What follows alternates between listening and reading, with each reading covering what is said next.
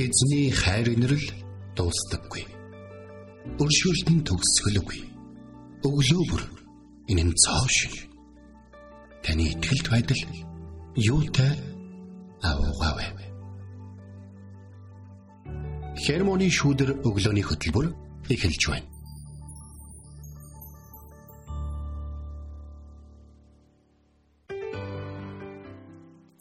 Өглөөний мэнд Итгэл радиогийн хермоны шүдэр өглөөний хөтөлбөрийн баасан гарагийн дугаар инхүү эхэлж байна. Эфирт Грэс чуулганы ахлагч буян хишиг зочноор өргөдөө ирсэн байна. Өглөөний мэнд. За өглөөний мэнд хүргэе. За хөтлөгч бэлгээдээ болон нийт сонсогчдоо шинэхэн сайхан өглөөний мэндийг хүргье. Хамтран хөтлөгч пастор сайн ахад маань яралтай ажил гараад ховд руу явцсан Яна гэж сандарч ахад урилгыг минь аваад өнөөдөр сонсогчид маань бас эзний үгийг дамжуулахаар хүрэлцэн ирсэнд баярлалаа. За баярлалаа. Хүндтэй өрөг хүлээж авсан бас их сэтгэл өндөр байна. Тэгэхэд эзэн хамтаа болтугай. За тэгээд э, зочноос асуумаар байна л да. Таны өглөө хэрхий хэлсэн бэ? Миний өглөө жоохон нойрон бүлэг хэллээ. Тэгээд дуу мөн цааш орсон байна гэх юм. Гүг дуу цааш орог. Дуу чи явахдаа бид нэг албаар нэг жоохон цааш нь эхнээсээ жоохон намуух хэлж байгаа хгүй. Тэгээ тэгээ явандаа гоё Э, ярихын дээр гоё яриад гаргаад те шаардлага гарах юм бол эзний үгийг ингээ хүчтэй ярих шаардлагатай болох юм бол бас чангара шүү дээ яг тэр утгаараа. Өглөө ер нь хэр өглөө одоо дэжүүл байлаа хэрвээ гэхээр те сайхан сайхан те ямар ч байсан тэгэл өглөө болгон сайхан шүү дээ. Манай ихнэр нөгөө имлэг твтсэн байгаа. Аа за. Тийм тэгээд хүүхдүүдтэйгээ хамтаал өглөө босоод явах үед нөгөөдөл маань энгийн үеэс арай илүү дагаж байна. Ээж нь байхгүй болохоор тэгээд тиймэрхүү л тийх баг тийм. Тэгээд хүн бүрийн өглөө янз бүрийн байдлаар эхэлдэг тий. Тэгээд ямар ч байдлаар эхэлсэн бай бурхан бүхнийг сайнаар эргүүлэх хүч чадалтай түнд итгэл найдвараа тавих нь хамгийн чухал байгаа тий. Тэгээд бурханы оршихуйд талархалтайгаар нэвтэр гэдэг сайхан үг байдаг шүү дээ тий. Тиймээс энэ цагт эзэнд талархал магтаалыг өргөе. Энэ бол өнөөдрийн сонгосон магтаалын дуу болохоор сэтгэлд минь орших гэдэг нэг сайхан сэтгэлд минь орших. Гэдэг сайхан магтаалын дуу байдаг тийм. Энэхүү магтаалын дуугаар энэхүү өглөөг эхлүүлье.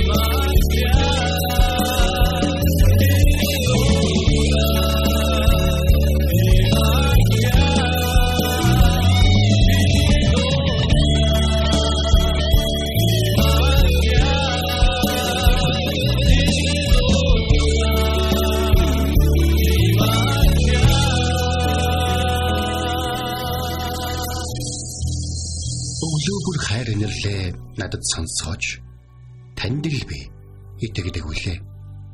Явах замыг минь надад зааж өгөөч. Танд л би сэтгэлээ өргөн байна. Дуулал 143-ийн 8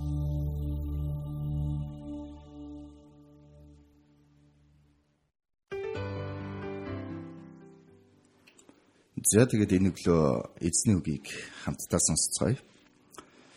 Тэгэхээр түрүүн манай хөтлөгч бэлгээ маань хэллээ те. Ер нь өглөө ямар хөө байваа шинэхэн өглөө болгоно ингээд сайхан өгтөл зүгээр ч гэж. Христ итгэж хүмүүсийн хувьд бол өглөөг аягүй сайхан чинь. А гэтэл яг нийгэм бол үнэндээ жоох стресстэй л байна те.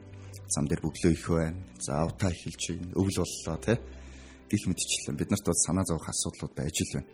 А гэтэл энэ дунд илүү сайхан байна гэдг нь сэтгэл зүгээ илүү сайхан авч явна гэдэг нь бас нэг өөр төрлийн хүч. Энийг бол бид нар бол ойлгож байгаа. Энэ бол угаасаа ойлгомжтой тийм үү? Бидний эзнээс ирж байгаа. Тэр баяр хөөр, тэр хүч гэж ойлгож байна. А гэтэл бидний эргэн тойронд байгаа нөгөө хүмүүс, нөгөө нэг орчин бол хэвээрэл байгаа. Тэгээ бодоод үзэхээр яг адилхан гэр бүлээс нэг нь Христэд итгэлээ. Бусад хүмүүс нь бол хэвээрэл байж байгаа өөрчлөгдөв. А нөгөө нь болохоор өөрчлөгдсөн байдаг тийм үү? Тэгэхээр бид нар нэг ясандаа өөрчлөгдөөгүй дэлхийд өөрчлөгдсөн амьдралаар амьдарч эхэлдэг яг өөрчлөгдөөгүй хуучнараа байгаа тэр хүмүүс донд бид нар харин өөрчлөгдсөн хүнээр амьдарч эхэлж байгаа. Үүний нэг шалтгаан нь юу гэхээр бид нар амьдралыг өөрөөр харж эхэлдэг тийм үү? Амьдралыг өөрөөр хардаг. Бид нар асуудлыг өөрөөр хардаг. Тухайн асуудлын цаана шийдэл байгаа. Үнэхээр сайн зүйл үргэлжилж байгаа. Эзэн бидэнд сайныг өгнө гэж итгэдэг. Тийм учраас бид нар яг энэ үхнийг хийж чаддаг. Тэгэхээр өнөө энэ өглөө бүгдээрээ хэрхэн бид нар илүү баг уурлаж, илүү баг үзэн ядаж, арай илүү хайрлах бай гэдэг талаар үзцгээе. Христ итгэгч хүн яг үн хүн бүр яг ийм байх боломжтой. А гэхдээ заримдаа бид нар нөгөө л нэг амьдрал донд орцсон, нөгөө л нэг тоос шороотой хутгалдаад тийм үү? Нөгөө л нэг стресс донд, нөгөө л нэг өөрчлөгдөөгүй тэр нөхцөл байдал донд нь орцсон хямраад явчихдаг. А гэтэл бидний эзнээс өгсөн тэр гайхамшигтай арай хүлээж авч чадаагүй эсвэл тэр боломжийг ашиглахгүй яваад байгаа юм биш үсттэй. Йохан ном дээр Есүс Христ өөрийнхөө өөрсдөө өөрийнхөө нөгөө дагалдагчдыг тойрол суулгаж байгаа нэг хэлдэг тийм ээ. Амар амгаланга би та нарт өгнө. Амар амгаланга би та нарт үлдээ. Энэ дэлхийг өгч чаддгаас өөр зүйлийг би та нарт өгнө гэж хэлдэг. Яг тэрийг арай мэдрэхгүй яваад байгаа юм шиг үстэй. Энэ өглөө бүгд хэрхэн үүнийг бид нар олж авах вэ гэдэг талаар ярьцгаая. Йона нам Йона намнаас яг бид нар нэг зүйлийг ойлгоно. Тэрний үг гэх юм бол бид нар эзний нүдээр хорвоог харах юм бол бид нар илүү бага стресстэж, илүү их хайрлаж, илүү баг үзэн ядаж харин илүү амар тайван байх боломжтой юм а гэдгийг ойлгох болно. За би эхлээд би Йона номыг товчхон сонсогчдод ярьж өгье л да. Йона бол иш үзүүлэгч байсан. Нэг өдөр бурхан Йонаг дуудаад чи их хот Нинев рүү очиод тэднэрт гимшлийг сануулаа. 40 хоногийн дараа би Ниневийг устгах гэж байна гэж хэлдэг. Тэгсэн чи Йона зүхтаач их сонирхолтой тийм үү? Исая дуулна ингээл эзэн за ингээд миний нэрийн төлөө хэн явах вэ гингүүд Исая юу гэдэг вүлээ оо эзэн би энд намайг л хийгээч гэдэг тийм үү. А тэгсэн чи Йона усан чи цухтагаа яваад гэж.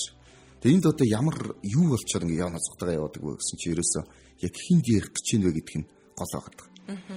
Йона Ниневчүүдэд дургу нэг ассирчууд шүү дээ. Ниневч өөр ассирийн нийслэл те. Ассирчүүдэд дургу учраас цухтагаа явчихж байгаа. А сая бол яг Израильчуудын төлөө одоо Юдачуудын төлөө хэнийг явуулах вэ гэсэн чинь аав юу яа гэж. Нэг өсөндөө намайг одоо чи монголчуудаа сайн мэдээ тараа гингүүд оо болж штэ тгийл та гэд Тэгснэ хятадууд гэсэн чинь цогтойгоо явж байгаа тэл адилхан гэсэн үг байхгүй. Тэгээ гол шалтгаан Йона Ниневчүүдэд дургүй байсан. Тэгээд Йона цогтойгоо явж исэн хөлгөө онгоцсон дээр байхад нь далайн шуурга боллоо. Нөгөөдөл нь шавх хайсан чи Йона дээр буулаа. Йонагоос бол шуурга болсон юм байна те. Тэгээ мэдээж авангууд нөгөөдөл нь Йонаг далаар шидчихлээ. Тэгээд авраг загс Йонаг зэлгээд 3 хоног Йона загсныг эзэнд байл. Тэг яг тэнд нэг Йона жоохон гимшиж байгаа. Эзэн минь энэ өхлийн одоо хэцүү хөндөй дунд те та ингээд юу байна одоо намайг авраач ухааны тийм гимшлийн дуулал хийгээд яг тэрний дараа нөгөө загсан Йонаг ирэг дээр нөлмж бүүлжиж гаргалаа гэсэн. Тэгэд бурхан дахиад хэлж чи их хот Нинев рүү очиж гимшлийг тунхаглаа. Би 40 хоногийн дараа тэр хотыг сүйтгэх гээд байна гэж. Йона Нинев рүү очиод яг 3 өдөр 3 шөнийн турш Ниневийн гудмаар алхаад эзэн энэ хотыг 40 хоногийн дараа хөмрөх гэж байна. Гимшицгээ гэж хэлдэг.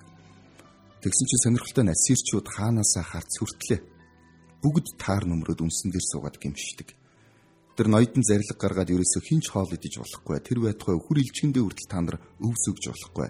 Бүгд юу ч идэхгүйгээр эзний өмнө гимших ёстой шүү гэд гимшиж байгаа.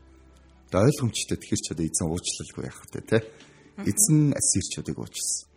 А тэгсэн чинь нөгөө Йона ч ууралж эзэн минь би одоо анханасаа таныг ийм гэдгийг мэдсэн бохгүй. Би таныг уурлахтаа удаан хайр инэрлэр агуу. Тийм гэдгийг чи мэдсэн болохоор би зүхтаасан бохгүй гэж хэлдэг. Тэгээ эзэн Йонад хэлж байгаа уурлах чинь зөв үү гэж эзэн Йонагаас асууж байгаа юм л та. Уурлах чинь зөв үү? Мэдээж Йонаг уурлах үед эзэн чи яагаад уурлаад байгаа юм те? Тэгээ юундаа уурлаад байгаа юм бэ чи гэсэнгүй шүү дээ. Харин уурлах чинь зөв үү гэж асууж байгаа. Тэгээ эндээс яг одоо эзэн Йонад өөрийнх нь зүрх сэтгэлийг ойлгуулах нэг процесс явагдаад тэгээ энэ ном маань дуусч байгаа нэг дөрвөн бүлэгтэй ийм ном байгаа. Тэгээ бид нар нэг зүйлийг маш ойлгомжтой харж байгаа нь дургүй хүмүүсийн тухай ойлголт гарч байна тийм үү? Яг үүндээ бид нарт ч гэсэн энэ амьдрал дээр дургүй хүмүүс байгаа. Дургуугаасаа эхлээд бүр үзэн яддаг зүрхэндээ бүр ингээд зүрхнийхэн шоронд хийсэн хүмүүс хүртэл яг тэнд байж байгаа. Нэг удаа би 10 жилдээ ангийнхаа хүүхдүүдэд дурсгалын дэвтэр гэж байсан. Тэрийг ингээд өгөхдөө бүгднгийнх нь нэрний урд анд найз, анд найз гэж бичиж хагаад ганц дургүй хүүхдийнхаа нэрний урд нь анд найз гэж бичээгүй зүгээр тэр явчихсан байна. Яг тэр мэдчлэн багасаа эхлээд яг том хүртлээ бид нар юм дургүй хүмүүс бидэнд байгаа. Бидэнд байгаа тэр байтугай үзэн яддаг хүмүүс хүртэл байгаа. Гэхдээ өнөөдөр эзэн биднээс нэг зүйлийг асууж байгаа. Эзэн бидэнд бас нэг тийм хэцүү нэг эвгүүцмээр асуултыг яг энэ ном юу биднээс ингэ асуудаг. Тэрний үг гэхээр эзэн тэр хүмүүст дуртай байвал яах вэ гэж. Эзэн хэрвээ тэр хүмүүсийг хайрладаг байвал яах вэ? Йона магадгүй тэд нарт дургу тэд нарыг үзэн яддаг. Улс төрийн хувьд угаасаа Израильчууд ассирчуудыг үзэн ядхаас өөр аргагүй. Тэд нарт эдийн засгийн шахалт үзүүлж исэн, улс төрийн хувьд дарамтлж исэн. Тэр байтугай манайрны өмнөх 722 онд ассирчууд израильчуудыг бүр нутаг руугаа бүгдийг аваа явуулсан. Цөлж байгаа. Нэгөөсөндөө уул нь бол ингээд нутаг дээр нь эзэн суугаад захирах хэрэгтэй байтал бүх хүмүүсийг аваад нутагтаа аваачид захирж байгаа бүр тийм одоо нэг төрлийн дараагийн төвшний одоо юу гэх юм эзлэн төрөмгийлэл юм одоо тий цөллөг гэж хэлж байгаа. Бүр тийм нөхцөл хүртэл орж ирсэн. Тэгэхээр үзэн ятхаас өөр аргагүй тийм хүмүүс а гэхдээ гол асуулт нь эзэн тэдэнд дуртай байвал яах вэ гэж. Нэг удаа би налахт чуулганд үйлчилдэг байлаа. Тэгээд тэнд налах чуулгануудын саксны тэмцээн боллоо. Тэгээд цуглааныхаа яг манай цуглаанд ирээд дөнгөж итгэсэн нэг залууга багтаа аваад тэгээд итгэхэд нэг хідэн сар болж илүү да. Тэгээд айгүй тийм гал халуун залуу байсан байхгүй байсан ч гэж одоо ч гэсэн яг тиймэрэл байгаа. Одоо бол бүр чуулганы одоо ди дахлагч чигээ явж байгаа тийм ундаг залуу. Тэгээ тэр залуугаа аваад тэмцэн дээр очсон чинь нөгөө тэмцэн дээрээс итгэх залуучууд тэнд оо юу вэ? Энийг аваад ирж байгаа юм уу? бөө юм болсон. Наадах чи амир хүн амтан цод. Наа чи амир дээрлэх. Наа чи дээрмэр мэд. Амарчтай гэдэг. Болдгоо нөгөөдөл чи. Тэгээ намайг ингээд тусна уулзаад биш. Энэ хүнийг ягаа авид ирж байгаа байна. Ачаас болохгүй шүү дээ. Энд чи одоо та нар одоо ингээд тэмцээнд ийм хүн авчирч болохгүй хань юм байна. Тэгээ мэдээж бид нар явах хэрэгтэй. Оо наа чи тэгэхэд удааг байгаа те. Тэгээ магадгүй яг тэр үедээ манай хүн болж байгаа нэг атман байсан юм шиг. Христэд итгэхээс өмнө тэр тухайн бүс нутагта. Тэгээ атман байхдаа хүмүүсийг их дээрлэгч ийж, хүмүүсийг одоо дарангуйлж ийж, зарим нь зодж ийж тэ. Магадгүй тэдний нүдэнд тэр хүнийг атман харагдаж болно. Гэхдээ эзний нүдэнд ямар байх вэ? Дөнгөж итгэсэн, одоо цоо шинхэн тэ Тэнгэр элч нарыг баярлуулан байж хэдэн зуун тэнгэр элч нөгөө нэг нүгэлтэн гимшгэд тэнгэр 100 зугаараа тэнгэр элч нар баярлдаг гэж хэлсэн. Тэнгэр элч нарыг баярлуулан байж нэг залуу итгээд хүрээд ирсэн. А хүмүүс болохоор тэнд яач. Дургу хүн болохоор дургуцж штэ тий. Хүмүүсийн нүдэнд магадгүй атман байж болно. А гэхдээ эзний нүдэнд бол манцуудан дэрвэх мяндас цагаан бяцхан өрнө ороод штэ. Бадарчхан шүлэг байдаг үстэй тийм үү? Өгдөг лээ. Хүний нүдэнд бол хөгцтэй хад шиг хөгшин хөх толгойтой хөгшин хар юм байгаамаа миний хүч харин ээжийнхээ нүдэнд бол мандсуудаан дэрвэх мяндас цагаа өрнө байт юм а гэж. Яг л тэр шиг эзэн нүдэнд хүмүүс тийм л гимших юм бол эзэн уучлан бидний дургүй хүмүүс ч байсан. Тэгээ бодоод үзэх юм бол яг үнэндээ бид нар ч гэсэн өөрсдөө хин нэгний дургуй гэргээл явж байгаа тийм үү? Бид нар ч гэсэн хин нэгний хувьд бас ассирчүүд нь улцсан л явж байгаа шүү дээ. Бид нарыг ч гэсэн үзий ядчихээн. Бид нарыг сайн явах юм бол тэнд атархдаг хүмүүс байна. Муу явгот балж мохог гэж боддог хүмүүс байна Хэрвээ эзэн яг тэр хүмүүсийн талд ороод а би чамд дургүй гэж хэлсэн бол биднэрт шудраг санагдахгүй шүү дээ тийм үү? Яаж шудраг эзэн байх юм бэ? Эсвэл эзэн зөвхөн бидний талд ороод нөгөө хүмүүсийг үзэн ядах юм бол бидний үзэн яддаг хүмүүсийг хамт үзэн ядах юм бол бидний дургүй хүмүүст хамт дургүй байх юм бол яаж итгэж болох вэ? Тийм эзэн бурхан байж чадах юм бэ? Тийм учраас эзний зүрх сэтгэл гэдэг биднийхээс илүү агуу байдаг шүү гэдгийг энд ойлгуулж байгаа. 120 мянган ассирчуудыг гимших үед эзэн тэднийг уучлсан. Харин тэр үед Йона уурлсан. Тэгээ Йонад эзэн Йонагоос эзэн асууж байгаа юм л да. Уурлах чинь зөв үү гэж. Чиний дургүй хүмүүсийн амьдрал сайн зүйл болсон байлаа гэд. Чиний дургүй хүмүүс эзэнд итгэж аврагдлаа гэд уурлах чинь зөв үү гэсэн. Тэгээ тэр үед Йона уурлах минь зөв л гэж хэлж байгаа. Гүрийж штэ тийм үү? Саахан гүрийгээд. Тэгсэн чи эзэн нэг эрендийн бутаар жишээ аваад харуулж байгаа юм л та эрендийн бут гэх нэг юм гоё навчтай ургамал ард нь ургаад Йонаг сайхан сүудрлээд. Тэр өдөртөө Йонаас айгүй гоё тухтай сүудэрт байж байгаад маргааш нь эзэн яг тэр бутыг хорхоо зэхиж идүүлээд нөгөө бут чинь хатаад Йона наран цөхөллөө гэж хэлсэн. Тэгээ Йона тэнд уурлаад наран цөхөлээд газар өнгөрөөд эзэн дахиад асууд уурлах чинь зөв үү гэж. Нөгөө Йона ч үргэлж үхтлээ уурлах минь миний зөв. Үхтлээ уурлах минь миний зөв. Би таныг үгээс мэдсэн байхгүй те хайр инэрлэр агуу тийм болохоор эднийг угуулж чинь гэж мэдсэн болохоор би явсан. Тэгээ одоо энэ бутмут яаж байгаа юм чи одоо бөө юм болж. Тэгээ эзэн Йонад хэлж байгаа юм л да. Энэ бутыг биш үү? Чи яагаад өрөвдөж байгаа юм? Чи нэг мө бутыг л өрөвч. Чи нэг нэг л өдөр мэдэн штэ. Ганцхан өдрийн хугацаанд л энэ чамаг сүудэрэлсэн тийм үү? Чи нэг өрөөж тариагүй. Чи өрөөж усалж ургуулад нэг арчлаад гоё болгоцсон юм биш. Нэг л мэтгэд ургаад, нэг л өдөр ургаад нэг шин хатцсан ийм ургамлыг чи өрөвдөж. Чамд зүгээр нэг ганцхан өдөр сайныг хийсний төлөө чи тэр бутыг ингээ хайрлж өрөвдөж тэгээ өвчнгүүтэн чи халаглаж харамсаж байна. Тэгвэл баруун зүүний ялгахгүй тэр 120 мянган хүн миний өмнө гимшиж яхад би тэднийг уучлахгүй гэж юу? Тийм байхад чи уурлах чинь зөв гэж хянаад үнийг ойлгуулж байгаа. Тэгээ тэр үед эзний ойлгуулах гад хүсэж байгаа зүйл нь юу вэ гэх юм бол миний зүрх сэтгэлийг ойлгооч тийм үү? Энэ хүмүүсийг би уучлалгүй яах юм бэ гэж. Өнөөдөр магадгүй биднэрт олон дургүй хүмүүс, олон эсэрчүүд байгаа. Тэгээ биднэрт яг зүгээр дургүй гэхээсээ илүүтэй яг бидний амьдралд хохирол учруулж байгаа тийм хүмүүс байгаа. Авилгал авснараа хохирол учруулж байна. Эсвэл шудраг бус байснараа хохирол учруулж байна. Яг биднийг ялгуурлан гадуурхаж өөр нэгэнд илүү давуу боломж олгож байгаа хүмүүс ч байгаа. Тэг яг тийм хүмүүс нийгмээр үзэн ядж байгаа, фейсбુક дээр бүгдээрээ алж идж байгаа тийм нөхдүүдийг эзэн хайрладаг бол яах вэ? Тэ бас л эвгүүцмээр асуулт тийм? Хэрвээ тэд гимших юм бол эзэн уучлал гэдэг нь баталгаатай. Бидний эзэн ийм л эзэн. Тийм ч учраас өнөөдөр бид нар уучлагдсан байгаа. Хэрв тийм бичсэн бол бид нар ч гэсэн уучлагдахгүй л байсан. Яг гэвэл адилхан л бид нар өөрсдөө үзэн ядагдсан, атаархал төрүүлсэн, бусдыг үзэн ядсан тийм л гимтэй хүмүүс байсан. Харин бидний эзэн агуу учраас гимших төдийд маань тэр биднийг уучлсан яг л түнчлэн өөр хүмүүс байсан ч гэсэн хідэн хүнд үзэн ядагдж байгаагаас хүн шалтгаалаад тэр заал дүүр хүмүүс аа наад нөхрөө зайлуулаач гэгээд ярьжсэн ч гэсэн эзэн түүнийг хайрлсан шиг тийм үү? Тэр биднийг тэгж уучлсан, тэгж хайрлсан. Тийм учраас энэ эзний зүрх сэтгэлийг бид нар ойлгох хэрэгтэй. Бидний амьдралд яг бодит тохирол учруулсан хүмүүсийг хараад үзэх юм бол нэг юм түүх санаанд ордог нь Есүс Христ Иерусалим руу явж явах үедээ Самарын нутгаар яг дайрч өнгөрөөд Самарын нэг хотод за нэг хоноглоод явъя гэж шийддэг. Тэгсэн чинь нөгөө самарчууд чинь бас нөгөө Иерусалимчуудад дургу өөрсдийн эрлий цөрлийц гэж ялгуурлан гадуурхаад тэгээ нөгөөдөл нь буцааж үзье ядаад нэг тиймэрхүү нөхцөл байдал байдаг учраас а хэрвээ та Иерусалим руу яваа юм бол нэгэнт та биднийг зорж ирээгүй юм бол те а нутагтаа онолж чадахгүй авчлаараа гэдэг Есүс юм хаалгаа ачдаг. Тэгсэн чи Есүсийн дагалдагчдын бөөн уруулж байгаа. Яасан зэвүүн гараад бай те. Эдний дээрээс би яг тэнгэрээс гал буулгая гэж залбирая та зөвшөөрөх үү гэж Есүсээс асуудаг.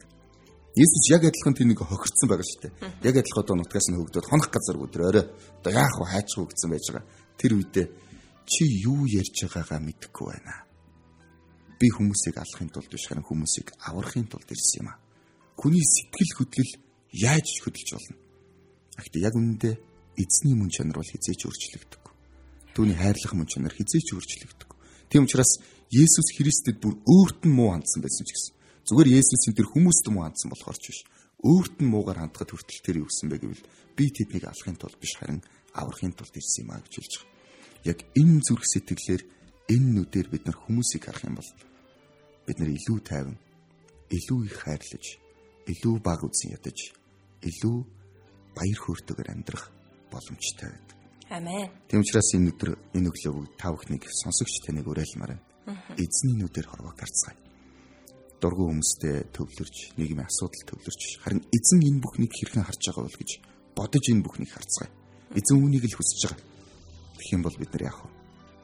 Илүү их хайрлаж, илүү баг үзэн ядаж, илүү баяр хөөртэйгээр амьдрах болно. Эзэн та бүхний гэрөг. Маш чухал зүйлийг өнөөдөр бидэнд сануусанд баярлалаа. Тэгэхээр Бурхны нүдээр бусдыг харах тухай те Йоно номоос бид нэр хамтдаа суралцлаа. Тэгээд сонсогч таны дотор магадгүй хин нэгэн санаанд тань орж иж магадгүй. Гэхдээ тэр хүнийг ч гэсэндээ яг Бурхны нүдээр харж хайрлаж үйлдэх тэр зүрх сэтгэлийг та Бурхнаас гуйгаараа. Тэгээд энэ цагт хамтдаа өөрчлөгдсөн таны хайраар химээх сайхан Магдалины дуг хүлээ авч сонсъё. Өөрчлөгдсөн таны хайраар би гимээс ариусан шин хүн болсон. Зөвхөрсөн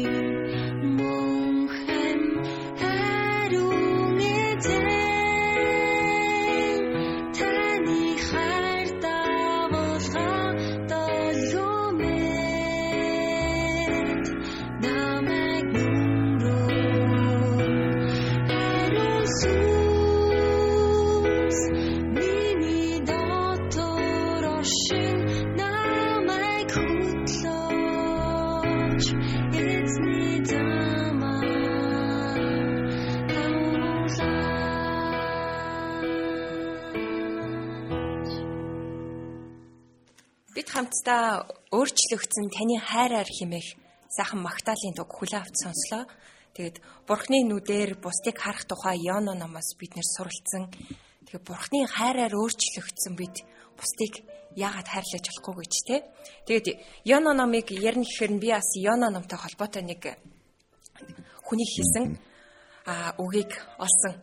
Тэр нь болохоор нөгөө доктор Кемпл Моргны хэлснээр Библийн аливаа номыг авч үзэхдээ гол үндсэн болоо түүнд хамаарах бусад дайвар зүйлсийн хоорондох ялгааг нь салгаж сурах учиртай гэдгийг сануулсан. Тэгээ Йоно номд гардаг заагаас салхи шуурга тий зайвар Нинев хот энэ бүгд бол Йоногийн түүхэнд хамааралтай дайвар хэсэг нь юм а. Харин хамгийн чухал үндсэн зүйл нь Йохова ба Йоно юм. Өөрөөр хэлбэл бурхан ба хүн хоёр юм. Энэ ном тэр жигээрээ энэ тухай л өгүүлдэг гэдгийг хэлсэн байсан. Ямар сайхан хэлээ. Тэгээд бурхан бидэнд үгийг минь аваад яв. Би төөрөксдгийг өрөвдөж хайралдаг. Тэдэнд миний үгийг хүрэг. Тэд аврагдан тэднийг таньж мэдэх. Тэр үед та нар тэднийг хайрладаг болно гэж хэлсэн байдаг те. Тэгээд энэ цагт буяа маань манай сонсогч нэг хүн бүрийн төлөө залбирч өгөөч. За хамтдаа залбирая. Эзэн минь танд баярлалаа. Үнэхээр та биднийг таны нүдээр хорвоог харахад, бусдыг харахад туслаач.